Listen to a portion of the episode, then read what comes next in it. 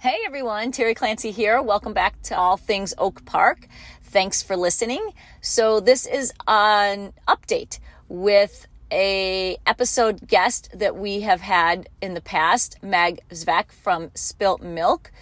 A lot has happened with Meg and especially with Spilt Milk since the last time we talked. So I thought it would be fun to catch up with her, find out what happened with Spilt Milk and what's uh, in the future for them. So I hope you enjoy this one. Take a listen. Bye. So, hey, Meg, thanks for coming back on the podcast. Welcome back. Yeah, thanks. Thank you. Thanks for having me. So, uh, I know a lot has been going on in the life of your professional world. So, maybe you can give us a quick update and then we can just talk a little at the end about, you know, the future. Sure. Yeah. So, um, I'm trying to remember when we spoke last. I know it's been at least a few months. Um, yeah, we, you guys were uh, up and running. I mean, you weren't, you didn't have any yeah. problems. Uh, you know, you had problems because of yeah. COVID, but you didn't have problems sure. with anything else. Right. Well, um, so just if if your listeners don't know or whatever, we um we had a flood at our bakery on Oak Park Avenue in mid-February um, which kind of well it, it shut us down um, not kind of it, it, shut us down um, and this and, flooded all the all the the equipment? Is is that what it did or what did it do to the yeah i mean there was there was quite a bit of damage. I mean the the flood was like in the rear of the building which uh, if you've ever been in our in that location you know our kitchen is all like in the back half of the of the unit. So it was like toward the back of our kitchen near where the ovens were and like a lot of our refrigeration equipment. Um so there was there was all sorts of damage uh equipment damage damage to the building all that. Um kind of long story short we we did end up moving um, as a result of this. So uh, it was a quick process. It was a little bit serendipitous. The I think the week after our flood, um, Constance, who owns Hit It Fitness, which was right um, around the corner from our old location, moved out. She she was moved to Elmwood Park, so her unit became available like the week after the flood happened. Um, and that's where we ended up moving. So now we're in the location where Hit It Fitness was and we uh, did a very quick kind of bare bones um, kitchen build out putting in the plumbing that we needed to um, have all of our you know sinks and all that moved all of our equipment over and got up and running in about six weeks so wow. now we're back back open and uh, thank god Wait, so now um, were you thinking of getting a is this a bigger space? I think I read that there was a this is a bigger space maybe?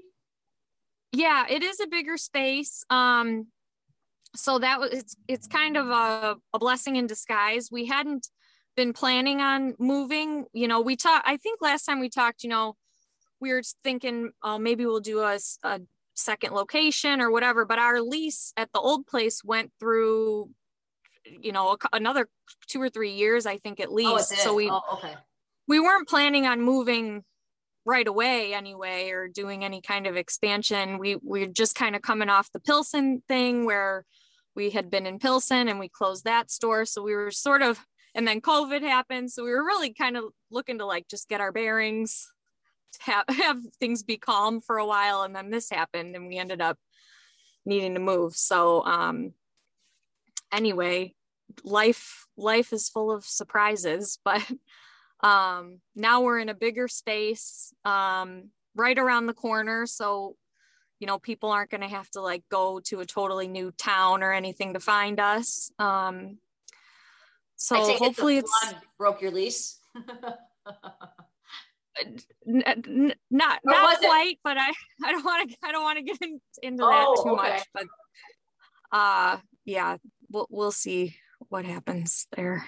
So the space, I mean, you probably haven't really had a chance to really appreciate, or is it is it a space that's bigger and more accommodating to your um, clients? No, customers. yeah. into your customers yeah. and your workflow and stuff? I think it will be for sure. We've been open um, now for about a week and a half, so we're oh. still kind of getting our bearings a little a little bit over there, but um, it's definitely more production space. So we're going to be able to, um, you know, increase our capacity. That was kind of a problem we always had. We're always running out of stuff because we just had limits on what we could do in in that size kitchen. So hopefully we'll be able to expand our production capacity a little bit. Eventually, we'd love to hire um, some more bakers and cooks so that we can expand our menu.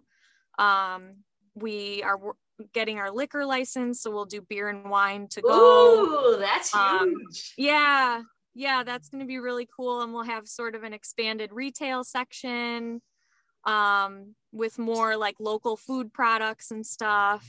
So, wait, so be cool. were you always open later? I always prior, yeah. Earlier prior to COVID, we were open until five during the week and then seven on weekends. So we used to have longer hours, and then with COVID, we we cut back, and um, we haven't lengthened them yet, but we're we're planning to do that over the next couple months. So with a liquor license, how late will you want to stay open? Or is that like a lunch um, license? yeah. We're not doing any on-site consumption. It'll just be beer and wine to go. Oh, to go. Um, to go. Okay. Yeah. So hopefully we'll get back to being open till seven o'clock and then um, we'll go from there. Like if there's a big demand and people, you know, want us to stay open later, we can um, see if see if there's a demand for that and and you know we're always evolving based on what what people are asking for so we'll see um, interesting. Yeah. And is there more space outside?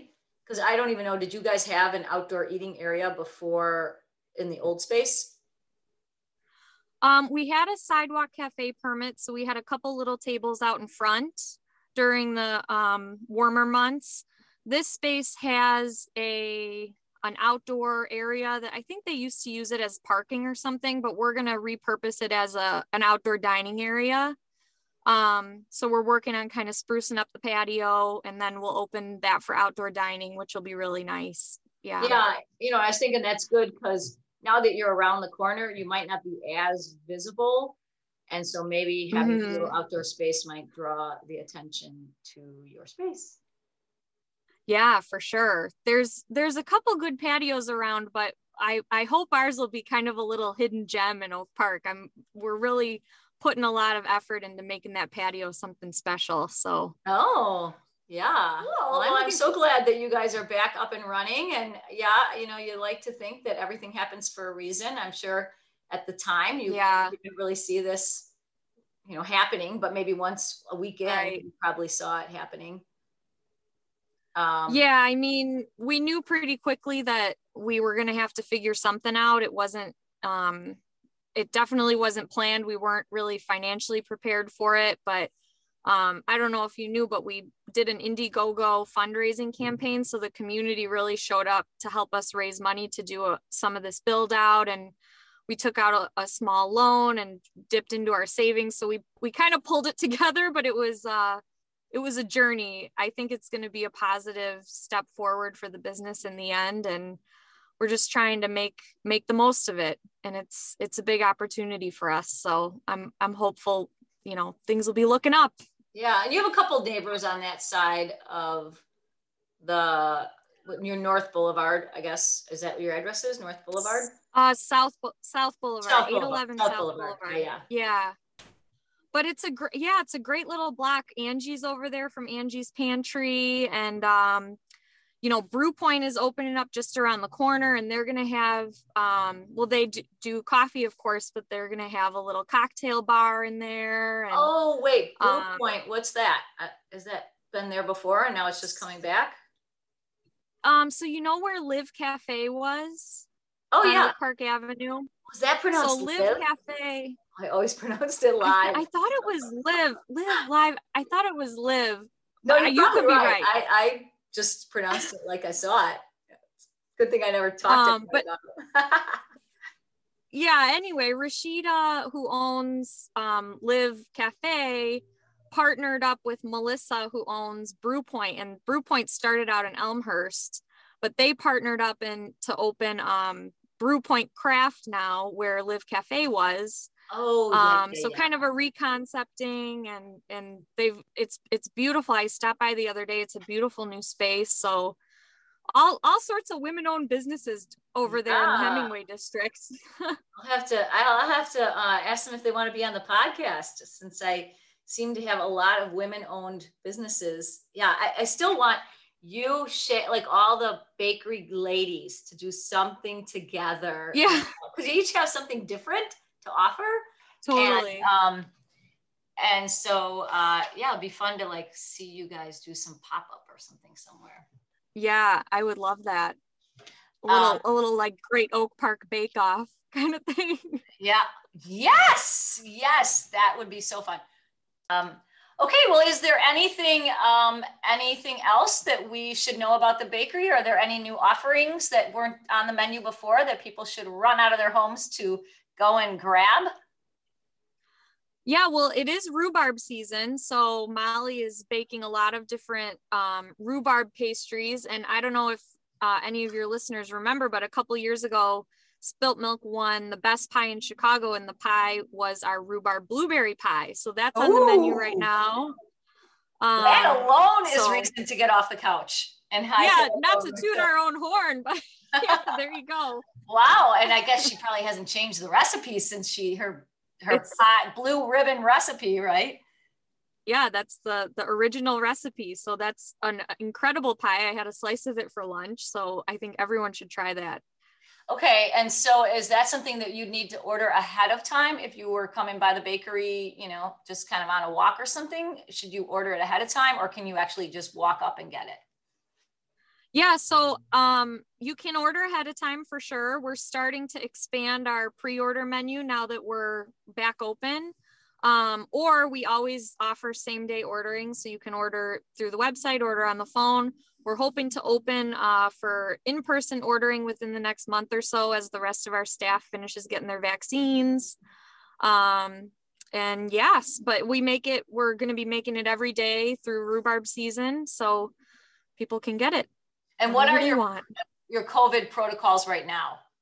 What's in place? yeah, that? so um, kind of same as same as we've been doing since last March. We're doing um, web or phone orders with a curbside pickup. So um, nobody in the store, but you're still welcome to you know pick up. You can order same day or you can order in advance, and uh, you can just phone right outside yeah. the store and then pick it right up. Yeah, if you, a lot of people do. Yeah, I think we're like the only place left in town that's still not open. So uh we're getting there though. Yeah, yeah well soon. good. Oh, well, I'm so glad that things have worked out for you, Meg. I know, you know, there's a loan to pay off and all of that, but um, you know, I'm sure you'll do that lickety split. And you'll probably yeah. run out of rhubarb and straw or no, rhubarb and blueberry pies. Yeah. Um, all right. Well, thanks so much for coming back and giving us the update. It's nice to hear that businesses even though COVID's trying to get them down. Well, this wasn't really COVID. This was what ice. what was yeah, little ice problem. but you know, you just can't keep a good girl, good girls. It's you and your sister, right? Yeah, there you go. Yeah, guys can't, can't keep, keep us down. down. All right, Meg. We'll take it easy. I'll be seeing you at your store, I'm sure. Well, maybe not seeing you. All right. Talking to you. okay. Thanks, Bye. Terry. Well, thanks so much for listening to another episode of All Things Oak Park. And if you want to get in touch with me, hop on over to my website, Teresa Clancy Law, and you can find all my contact information over there. See ya.